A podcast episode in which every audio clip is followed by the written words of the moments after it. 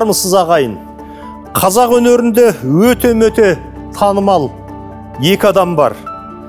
Бірі ә, қыз жібек көркем фильміндегі асанәлі әшімов сомдаған бекежан. Екіншісі айтыстың азабын арқалап жүрген ақын жүрсін ерман. Жүрсін ерман ақын жанартау арайлы күн армысың ұлытауға бардың ба? Құдіретке жүгіну екі тізгін бір шылбыр құстың көлеңкесі ырғай арнадым сізге. Көктөбедегі кездесулер жыр жинақтары жарық көрген. Біз бүгін айтыс туралы ә, әңгіме айтпауға тырысамыз. Шамамыз жетсе жүрсін ерманның поэзиясы туралы әңгімелейміз. Соған дайын болсақ. Мына менің енді әңгімені неден бастағанымда сыңайын байқадыңыз ғой. Қуғандай боп елесін әлдененің. Жүргенде білмей қалдым қайда өлеңім деген бір шеріңіз бар. Осы айтыс сізге көп қиянат жасап кеткен жоқ па шығармашылығыңызға? Жүсіпбек оны сен дұрыс аңғарғансың. Менің ішімде де сондай бір қауіп көп уақыт мазамдалды. Мынау айтыс деген енді менің пешенеме жазылды да осымен қырық жылдай айналыстым ғой. Мұны мынау ұйымдастыру жұмыстары көзге көрінбейтін сахнаның сыртындағы жұмыстар талай уақытымды алды. Сөйтіп жүргенде мен тіпті өлеңнен қол үзіп кеткен жылдарым да болды. Ә, бірақ әуелден әлгі қазақ айтпақшы көзімді ашып көргенім аузымды ашып сүйгенім қазақтың өлеңі еді. Сонан кішкене адасып қала жаздап барып тіпті менің қатарластарым о шырқау алысқа ұзақ біткен кезде мен қалып қойдым ба деп уайым жеп біраз өлеңдер жаздым. Шын мәнісінде айтыс маған қиянат жасады демеу керек енді. Бірақ кішкене шығармашылық жеке шығармашылығыма залал тигізгені рас деп өзім де ішімнен солай ойлаймын. Адамның өзінің бір жан азабы болады ғой. Бір сұрақ алдында тұрады көлденеңдеп ә, және ол сұрақ бір адамға бір жайсыз кездерде келіп қалады өзіне. Ә, ол қанша дегенмен де ә, талай рет айтылды жазылды. Газет журналдардан да өзіміз оқыдық. Белгілі ақындардың аузымен де айтылды. Ә, осы ә, айтыс ә, поэзияның деңгейін төмендетіп жібер деген деген әңгімелер болды кезінде. Болды иә. Ке- болды.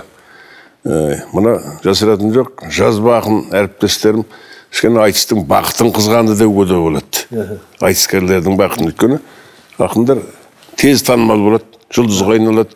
Ә, біз оларға ә, топтап көлік мінгізіп жаттық. Осының бәрі кішкене кім асаналы айтатын сөз бар еді өнердің жауы іштарлық жаны құштарлық деп. Сол ептеген қызғаныш та болды ау деймін. Бұл бәсекеге айланды ғой. бәсеке. Өйткені үлкен үлкен ақындардың өзі сол айтыстың жаңағы өлеңін сынап бұл өлеңді арзандатып жібереді. Жазба поэзияның интеллектуал поэзияның биігіне шыға алмайды деп. Бірақ сөйтіп жүргенде маған осы мына қазіргі үлкен ақындарымыздың бірі ғой мемлекеттік сыйлықтың лауреаты иранғайып бір неде айтты жазды да. Қазір жазба поэзия мен айтыс өлеңінің арасы жымдасып кетті. Айтыс өлеңі биікке көтеріліп кетті деп. Мен ақиқат осында ғой деп ойлаймын. Әуелде енді айтыстың қарапайым өлеңдері болды. Ана қара өлеңнің ескі айтыскерлердің аузымен айтылған өлеңдердің кішкене ә, сапасы техникалық мүмкіндігі дейікші әдіс тәсілдері қарабайырлау болды да жазба поэзия жоғарыда ғой ұйқастары, Ол иә. иә, бұл биік поэзия ғой жазба поэзия. Биік өнер высокая поэзия дейді ғой. Ал айтыс қазір соның деңгейіне жетіп алды деп ойлаймын мен. Иә. Сондықтан өмір бәрін өз орнына қойып жатыр. Осы жерде бөліп жаратын ештеңе жоқ. Жүрсін ерманның бес томдық кітабы біздің қолымызда. Осының ә, үш томы төртінші томында да бар. Өзінің жазба поэзиядағы еңбегі шығармашылығы әр ақынды бір жақсы көретін қырлары болады. Мен осы ә, жүрсін ерманның бір характерін поэзиядағы көп байқаймын. Соны жақсы көрем кейде айтатын жерде айтып салу қоғамның пікірінен қорықпау ә, ортаның пікірінен қорықпау ә, деген сияқты. Бұл кісіде енді кеуде бар. Ана бір өлеңіңізде бар ғой? Ә, бөрімін деген өлеңіңіз ғой деймін ана. Бөрі мінезді адаммын мен бөрімін дейсіз да соңында түйінінде айтасыз. Ә, үйге келіп тұлып бөріге аяғымда табанымды жылта тұлып қасқыр. Иә табанымды жылтат тұлып қасқыр. Дейді. Ол енді тура қасқырды бейнелеп отыр деп те айтпаймын. Ол жерде адамның өзін өзі ә, сондай жер деңгейде түсінуі өзінің ішін қазуы ә, жатыр ғой деп ойлаймын. Бағана характер дегенге келейік. Мына жамбыл сталин және біз деген ұзақ өлеңіңіз бар екен. Тас тұғырға байланып тас құмырға айналып отырмысың ойланып тағдыр кетті қайдалып дейді. Тағы бір екі шумағын тастап кетсем гомер дейді ел сені. Бірақ гомер емессің. Теңіз жырдың өлшемі саған өзі теңессін дейді. Ал менің ерекше жақсы көрген жерім. Сүңгісі емес сүйменнің. Ұңғысы да кінәлі. Саған тілі тигеннің кесіледі тіләлі дейді. Енді көп жамбыл атамыз туралы айтылып келе жатқан әңгімелердің ә, бір жауабы осында ғой деп мен ойлаймын. Ал енді біздің хабарымызға автор жүрсін ерманнан басқа ә, белгілі ақын серік ә, қалиев ә, қатысып отыр. Сонымен бірге ә, кеше ғана дарын жастар сыйлығын алған батырхан ә, сәрсенхан ә, келіп отыр. Сіздер қалай ойлайсыздар? Жүрсіннің жаңағы бес томының ә, үш томы өзінің өлеңдері. Бір томы жүрсін ерман туралы алпыстай адам пікір жазыпты. Кейде мен даңғазама деп ойлап қаламын алпыстай адам бір адам туралы пікір жазу деген көп сияқты маған даңғазалық сияқты көрінеді. Бірақ жан тәнімен тұманбай молдағалиевтан бастап шын көңілдерімен ә, жазыпты. Ә, бірақ енді біздің алдымызда үш том поэзия емес. Алты том он том поэзия жатуы мүмкін еді ғой егер айтыс болмағанда. Енді шынында да жүрсін ағамыздың аз жазса да саз жазғанын байқауға болады. Ә, ол ә, академик серік қирабаевтан бастап м, барлық әдебиетшілер сыншылар ә, жанр жанрмен ә, әдеби әдеби теориялық жағынан енді қызығушылықпен талдап шыққан жүрсін ерман поэзиясының көркемдік дүниесін көркемдік әлеміне ә, сүңгіген деп айтуға болады. Ә, енді ә, кез келген ақында мысалы ә, поэзия сен менімен егізіп едің дейді мұқағали. Дара күндерімнің нала түндерімнің серігі болғаным үшін мен сені аялап өтем дейді фариза апам. Сол сияқты жүрсін аға да өзі бірінші өлеңмен сырласады поэзиямен сырласады. Әкем маған жаттатқызды бір даят қияқтай ай көк желкемде тұрдай ап қойнымдағы қағазымды су су қып жаңбыр талай жазып берді рауаят ақынмын деп қырға шықтым алшаңдап қуанушы ем құшаққа жел толсаңдап. Шырпыр болды қарлығаштар ақтамақ қонар ем деп ә, басың егер болсам бақ шуылдады сырын айтып көк қамыс. Қиялымда көкке самғап кетті алыс жүрдім талай қой соңында салпылдап қыр астында жусандарым көп таныс. Жаттым сайда сақ құлақтай тың тыңдап төбем түсті көгал үйрек сымпылдап. Саз саз болған менің жалаң бас, басыма дәл сол күні қонған шығар мүмкін бақ. Төбемдегі сырласам деп тырнамен ғашық болып қалдым бекен жырғамен содан бері таңдайыма жабысқан өлең болып келе жатыр нұрлы әлем дейді. Яғни өлеңге деген адалдық Иә. өлеңге деген ә, жүрсін ағамыздың поэзиясын қарап отырсақ әр алуан тақырыптардың барлығы қамтылған. Жаңа сіз айтқандай өзіндік мінез өзіндік қолтаңба өзіндік бір өлең өрнектері жаңағы ұйқастың өзін төрт аяғын тең басқандай қылып бір олпы солпы ұйқас жоқ. Бәрі өз орнымен қаланған кірпіш сияқты. Бірақ ойды ә, жүйелі түрде ә, жігін бұзбай жеткізу.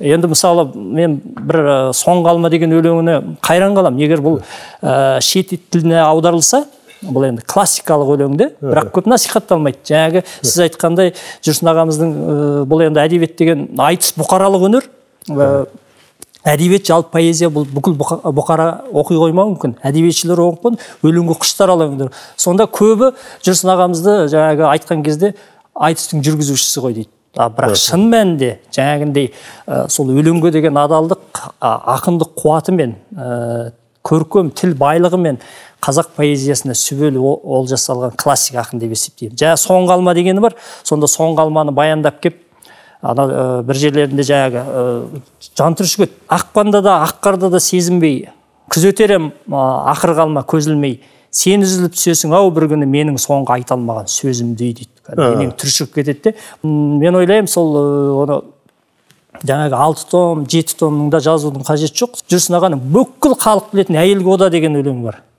Яғни бүкіл халықтың ішіне ә, ақын ретінде жаңағы өлеңі тарап кеткен. Ол да бір ә, ақынға ә, Жақсы. маңдайына жазылған сый деп ойлаймын. Иә. Мына ә, абайдың өлеңдерін қарасаңыз бірінші жолдан бастап ой айтыла береді. Бірінші екінші үшінші жол. Ол ойын артына сақтамайды.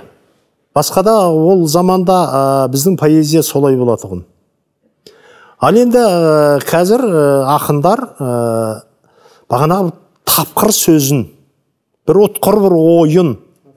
Өлеңнің соңына сақтайды. Сол тапқыр сөз бен ұтқыр ойын айту үшін басына бес алты он шақты шумақ жазады. Анау айтыс ақындар айтысып отырған кезде бір тапқыр ұтқыр сөз айтқанда ой айтқанда ел дүркіреп кетеді ғой сол сияқты. А бірақ жазба әдебиетінде сол шегіңді үзіп жібере жаздамай ма? Біздің өлең оқымай кеткеніміз сол емес пе? Осы айтыс ақындарынан басталды ма? Осы соңғы жолға салмақ салу деген шығарған қадыр мырзалиев меніңше. Соның дәуірінде осы дәуірледі. Қазіргі поэзияда олай деп айтуға да болмайды. Керісінше айтыстың өлеңінде осы дәстүр сақталып жаңағы бір ауыз сөзді айту үшін шұбыртпалы ұйқаспенен бәленбай шумақпен келіп мына түйінге түседі бұлар енді бірақ қазіргі жастардың өлеңін оқып жүресіңдер ғой енді. Мұндай бұл жаңағы қолтаңба кішкене бояу солғындаған қазіргі жастар олай артына сақтап отырмайды не болса да қолынан келгенше айтуға тырысады. Ойлап қарайды ғой бізде мына кеудесінде ә, өрт боп кеуделері лапылдап жанып тұрған жастарымыз бар ғой. Солардың ә, пікірлерінде әсіресе көп кездеседі. Жаңағы ойымызға не дейсің? Жалпы ой айту жас ақындар поэзиясында аса модада емес өйткені ой қазір жаза беретін болдық қой. Иә. Қазір адамның ішіне үңілу ә, сыртқы қоғамнан гөрі өзінің ішкі түйсігіне ішкі әлемге үңілу ерекше белең алып жатыр. Бірақ жиырмасыншы ғасырдағы иран поэзиясына қарасақ нима юшиш сахраб сепехрилер ой мен сезімді ғана қалдырып артық сөзділіктен арылуған мүлде баяғы хафиз румилардың ой көзің сүмбіл шашың сүмбіл дегеннің бәрін алып тастап тек ой мен сезімді қалдырды. Жастар поэзиясы соған келе жатыр ғой деп ойлаймын. Ы, сіз айтып қалдыңыз айтыс әсер ете ма?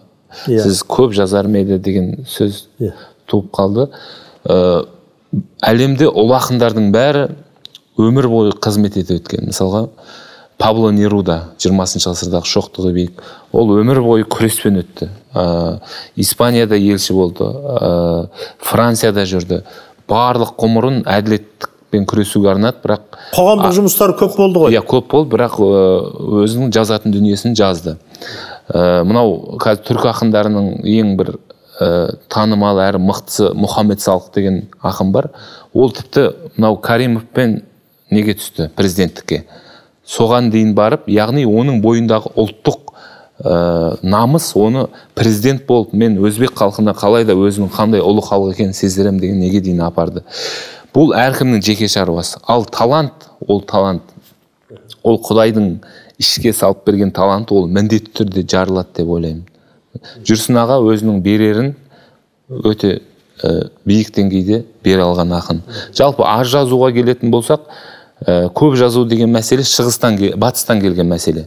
Шығыс ақындары мына хафиздерге қарап отырсақ бір том лирика. Тіпті сахраб сепехри деген иран ақыны бар біздің шығыста қазір әлемге ең көп аударылған. Ол бір ақ том мынандай. Сегіз кітап дейді. Сол бір кітабы бір кітабы 15 өлеңмен шығады. Иранда қазіргі мықты ақындардың бір кітабы 15 өлеңмен шығады. Бір кітабы 10 өлеңмен шығады. Тіпті бір кітабы бір поэмамен ғана қыс- қысқаша бір ел қырық елу беттік яғни товарный мынау продуктивный поэзия деген нәрсені көбіне біз орыстан ә, мына батыстан келген дүние біздің тіпті қазақ танымда ол нәрсе нәрсе жоқтығын жыраулардың өзін қарасаңыз ә, ондай көп өлең жоқ. Абайдың өзін қарасаңыз ары кетсе бір том. Жүрсін ерман поэзиясының ә, аз және саз болуы ақынның өлеңдерін қарап отырсаңыз әрбір туған өлеңдер. Яғни ақын өзінің алдында және жаратушының алдында өте адал. Сондықтан жаңағы бір артық нәрсе жазу маневр жасауға бара алмайтын шын ақын деп білемін. Ал енді стиль деген болады ғой. Жүрсін ерманның стилін қалай деп ә, бағалайсың? Мына өлең жүз өлең тұрса да ішінен жүрсін ерманның өлеңін анықтауға болады. Оның анандай бір еркін ой бір характерлі сөз иә тұрады иә. Иә ол мінез тума Мінез. мінез бар. Одан бөлек ағада батыс пен шығыстың синтезі бар. Батыс пен шығыс әдебиетін оқығанда оны ұлттық қайнарға тоғыта білген. Ана мен ойлаймын осы кейде ақындарға айтқым келеді бір әдемі өлеңдерін оқып отқанда осы айтар дүниеңді айтар ойыңды идеяңды айтшы деп айтқым келеді. Енді жүрсін ағаңда ондай жоқ қой шамасы. Ойын жасырмайтын ақын ғой ашық ақын. Э, барлық өлең ашық деп айтуға болмайды. Тіпті сөзінің астына көмкерілген э, ойлары идеялары э, көп. Э, және мынау барлық ұлы ақындардың мынау шекспирден бастап қарасақ ұлттық көне эпостарынан ауыз әдебиетінен нәр алған екен. Жүрсін ағаның ерекшелігі ауыз әдебиетінен ә, ә, көне эпостардың сарыны есіп тұрады. Ә, мынау ә, достоевский пушкин жайлы сөзінде айтады. Тіпті байронды аударса да орыс қылып аударып жібереді дейді. Ә, жүрсін ағада сол ә, мынау бір ақындар бар жаңағы батысты шала оқыған. Соларды батыстық нені көрсеткісі келіп соны тықпалап ә, бір жаман оғаш көрініп тұрады. Ал ағада кәдімгі синтезін алып ә, шығыстық сарында батыстық сарында ұлттық қайнарға тоғытылып кәдімгі менмұндалап көрініп тұрады. Мәселен түнгі такси деген өлеңі бар мен оқып шықтым жастардың арасында қазір ең танымал өлеңнің бірі. Ә, содағы қазақ қызының образы мысалға. Ә, қазақ қызына саған алматында сыйға тартайын дейді. Алматыны да ә, самарқан мен бұхараға қосып ал. Алматында еліккен ұлдың кесір мінезін көрікті қалам кешірген өзін қолымда болса қиятын едім ертіс пен сырды есілдің өзін. Алмаймын деді сыйларың қымбат. Одан да хафиз жырларын тыңдат. Жомарт ақынның дауысын естіп ә, дидарын көріп дауысын естіп тұрғаным қымбат дейді. Яғни осында қазақ қызының ә, дәстүрі менталитеті өзі тәкаппарлығы ә, менмұндалап көрініп тұр деп ойлаймын. Сіздер енді әр танымал өлеңдерін айтып жатырсыздар иә? Біреуіңіз жастар арасындағы біреуіңіз халық арасындағы а мен ең танымал өлеңі ә, жалғыз ұл деген әннің мәтіні. Сол жөнінде экранға назар аударайық. Еркін нұржанов әнші. Жалғыз ұлым әні жарылқасын дәулет ағамыздың әніне жазылған ән ғой. Ә, жүрсін ерман ағамыздың сөзіне жазылған. Осы әннің сөзі қатты ұнады. Жарылқасын ағамыз айтты «Ә, ондай болса осы әнді орындап шықпадың ба? деп. Сонда 25 жастағы бала әлі үйленбегем м, бойдақпын ол қалай болады екен мен оны қа- айтқан маған жараса ма екен әлде қалай болады екен деп жарылқасын ағамыздан сұрағанымда еркін сен де бір үйдің жалғыз ұлысың ғой сен жеткізе алатын си- сияқтысың деп маған ойын айтты. Бір жағы ондағы сөздер ә, өте былай тілге жеңіл болғанымен мағына деген жерде өте ауыр түсінген адамға өте терең яғни. Сен от басып қалар деп ойда жоқта көрсең еді жүрегім тілінген деп жатады расында қай ата ана болмасын баласы үшін сондай бір уайымдап солай күн кешеді ғой. Тек маған ғана емес жалпы халықтың да көңілінен үлкен орын алған ән деп ойлаймын. Жалғыз ұл деген өлеңіңізге қатысты айтқым келеді. Өзіңізде жалғыз қалып барамын деген бір жол оқыдым осы кітаптарыңыздың ішінен. Иә сол тұлғаларды сағынғаннан ба сағындым аға деген де өлеңіңіз бар? Бар дұрыс айтасың енді енді өмір өзінің дегенін істеп жатыр.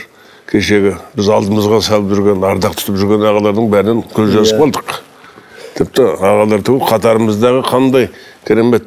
Енді біз өнердің қаламгерлер суреткерлер Иә. ақиқаттанып кетті. Ол да жаныңды жүдетпей қоймайды. Жалғыз ұл деген өлеңді мен әнге арнап жазған жалпы мен әнге арнап өлең жазбаймын.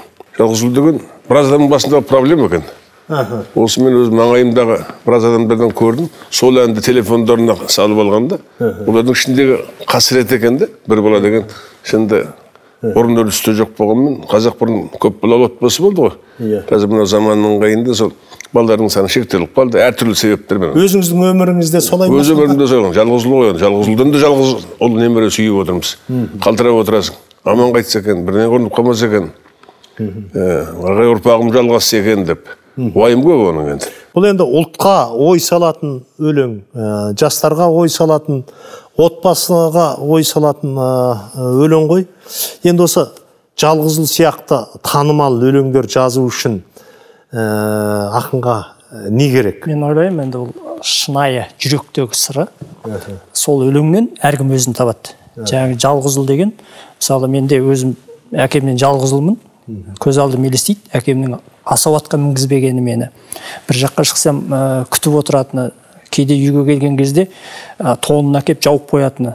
Бар жаны жалғыз ұлдың үстінде. Сол сияқты жаңағы айтқандай ә, жаңағы жалғыз ұлдың әкеге деген қаншалықты қымбаттығы.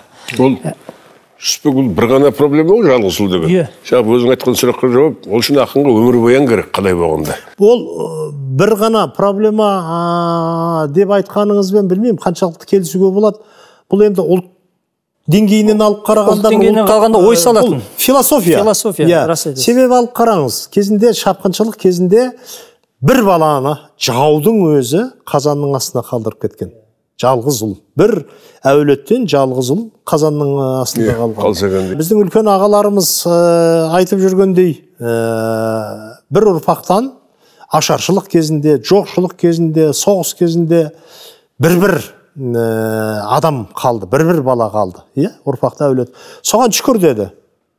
Ал енді мына заманда ә, сол қасіретке ә, бағанағы болып толып жүріп ә, тап келіп отырмыз ғой. Ә, бұл енді бұл өлеңнің танымал болуы енді көркемдігі басқа шығар иә? Ә, сол халықтың жанды ә, жеріне тигендіктен шығар. Мына кейбір ақындар болады осындай бір халықтың оқырманның жанды жеріне тиетін тақырыптарды тауып алады. Бәріміз бір тұтатын мұқағалидың өлеңдері қасіретке мұңға элегияға толы. Кешегі соғыс кезіндегі жоқшылық өзінің көзбен көрген өмір шындықтары оның өмір бақи иінін басып тұрды. Енді қазір мұқағалиға еліктейміз деп біздің жас ақындар сол мұңды қайғылы өлеңдер жазуға оқым бар бірақ оның мұқағалидікі халықтың мұңы еді ұлттық мұң болды ұлттық қайғы болды. Ә, бұларды енді сізде де бұлардың ар жағында жоқ болғаннан кейін екі өлеңіңіздің бірі мұң ғой сізде де шер екі өлеңіңіздің Бізде бірі соны енді поэзия осы мұң мен шерден бәрібір арылмайды өзі поэзия деген Поэзия өзі деген мұң мен шер өзі қуаныш деген пафос шер. деген өзі өлең емес шығар деп ойлаймын батырхан иә өлеңнің өзі қыжыл шер іштегі ақынның ә, несі жалғыздығы ол жұрт көрмейтін нәрсені көру ғой. Жұрт білмейтін нәрселерді білу. Яғни жұрттың бәрінің не істеп жүргендігін үстінен қарай білу. Сол үшін ә, біреудің ісінің ағаттық екенін біледі біреудің бос өмір сүріп жатқанын өмірін босқа күйдіріп жатқанын біледі. Осының бәрі ә, жаңағы биіктегі ақынға мұң сыйлайды деп ойлаймын. Және ә, жаңа ұлт ә, жүрсін ағаның өлеңдерінің халыққа терең жетуі жүрсін аға ұлттық болмыстың биігіне жетуі. Мысалға біз шығыс ақындарын оқысақ парсы болып кеткім келеді кейде. Соны, па- соны оқу үшін парсы тілін үйреніп сөйтіп жатыр түрік тілін үйрендік. Ә, шекспирді оқып ағылшын болғысы келеді адамдар. Қатты қызығады соның дүниетанымына ал жүрсін ағаның өлеңінде оқысаңыз кәдімгі қазақ болғаныңа қуанасың. Мынау әйелге ода деген жаңа жалғыз ұл деп жатсыз ғой мен келіспеймін. Қасымның үйі бірінші ең танымал деп сол өлең. Екінші жаңа серік ағам айтпақшы әйелге ода. Сол ауылда да талай бала кезінен тыңдап жүрген өлең сода айтады кеудесін қаққан талайдың әйелден болған ажал дейді. Сонда баяғы біздің томирис саринарларымыз біздің қазақ әйелдің бір керемет болмысы бұның өзі. Яғни жаңағы сол сыры ол жаңа мұқағали сияқты абай секілді ұлттық болмысқа айналу білуінде деп ойлаймын. Жүрсін аға да мысалы абайға шағынады мұқағалимен сырласады. Бірақ сол жерде сол өлеңді астастырып бәрібір ұлттың мәселесін ә, қазіргі қоғам осының барлығын астарлап айтып кетеді. Жүрсін ерманның ә, бес томының ішіндегі үш том өлеңдерін мен де оқып шықтым. Бірақ шынымды айтайын сіздерді тыңдап отырып жүрсін ерманды өзім жаңадан ә, ашқандай болып отырмын. Экранға назар аударайық. Мынау скандинавияның әдебиетінде өлең эпопея деген жанр бар. Үлкен тағдырлы өлеңдер деген сөз ғой енді. Кәдімгі үлкен романның жүзін арқалап кететін дүниелер бар. Мәселен жүрсіннің көбірек ел айтып жүретін мынау қазақтың құлағына әбден сіңісті болған қасымның үйі деген өлеңі бар. Қасымның үйі. Қиратып жатыр қасымның үйін біздің үй соның іргесінде деді. Жаңағы тарланып еді жыр көшіндегі бауырын жазып бір көсілмеді. Қиратып жатыр қасымның үйін біздің үй соның іргесінде деді. Осы өлеңді оқысаң мәселен кәдімгі сезімі бар адамның ойы бар адамның мына қазақтың тарихына дініне діліне болмысына үңілген адамның тоқ соққандай бір дір еткізетіні бар. Ә, енді жүрсіннің кез келген өлеңінен мен соны мысалы ана тоқбаланың діңі деген секілді ә, болмаса Ке- кеңшілік мырзабековті алматыдан аттандыру деген секілді осы бір ондаған өлеңдер жүрсіннің антологиялық өлеңдер. Жүрсін кәдімгі қазақ әдебиетінің бағын жандырған ә, кәдімгі ә, көп ел жүрсінді бір айтыстың жүргізушісі ретінде қабылдайды. Ал оның ә, ақындық қуатын оның ешқашанда жалаң дидактикаға бармайтынын жалған пафос жасамайтынын оның өлеңінің ішінде өмір бар. Кәдімгі өмірді көресің өзінің қолтаңбасын көресің. Мысалы авторын алып тастасаң мысалы мен жүрсін ерманның қолтаңбасын таныр едім. Бұл ақынның үлкен бақыты. Бәрекелді. Осы ә, қасымның үйі көп әңгіме болып кетті. Домбыра тұр алдымызда. Қасымның үйі деген ә, танымал өлең еді соған мынау қасымызда отырған серігінім саз бәрекелді жазды. тыңдайық онда.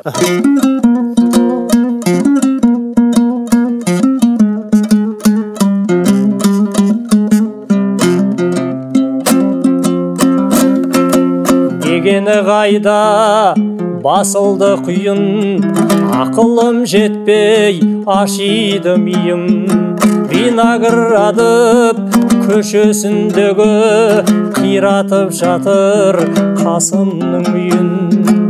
Қайтейін кембақ астана сені тиетіндей ақ басқаға себі. Қиратып жатыр қасымның үйін қиналып тапқан баспанасы еді ей жүйрігім еді жыр көшіндегі бауырын жазып бір көсілмеді қиратып жатыр қасымның үйін біздің үй соның іргесінде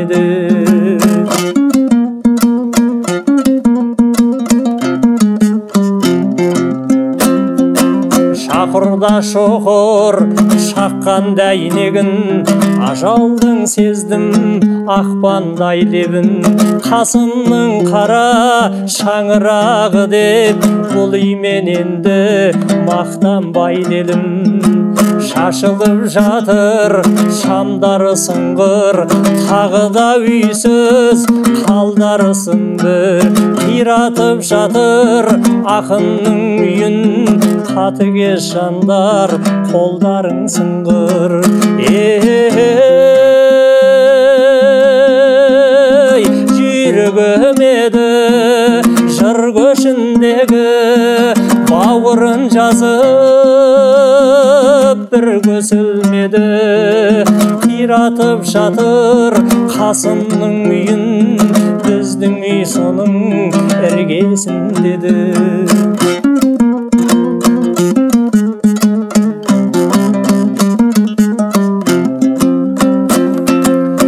тағдырдың мойырт кесімі сынды пеші құлады есігі сынды.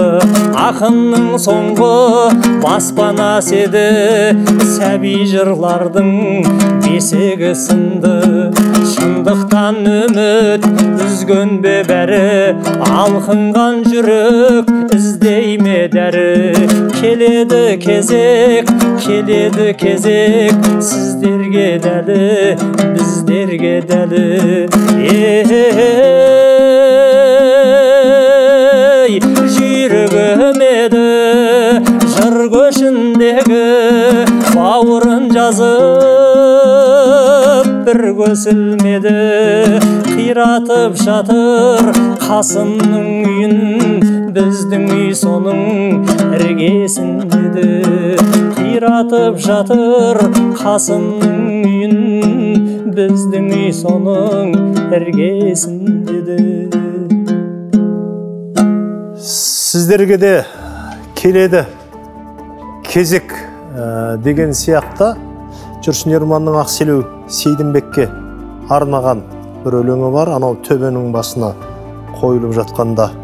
Туған ел құшағынан шыққан ұлды туған жер құшағына тұра алғалы өмірдің мәні де сол ғой. Бір жол өлеңі есте қалған ақын бақытты бір өлеңі есте жүрген ақын бақытты бұл жағынан жүрсін ерманның жолы болған сияқты ә, қызғана да қызға да отырып ә, айтар ә, сөзіміз осы.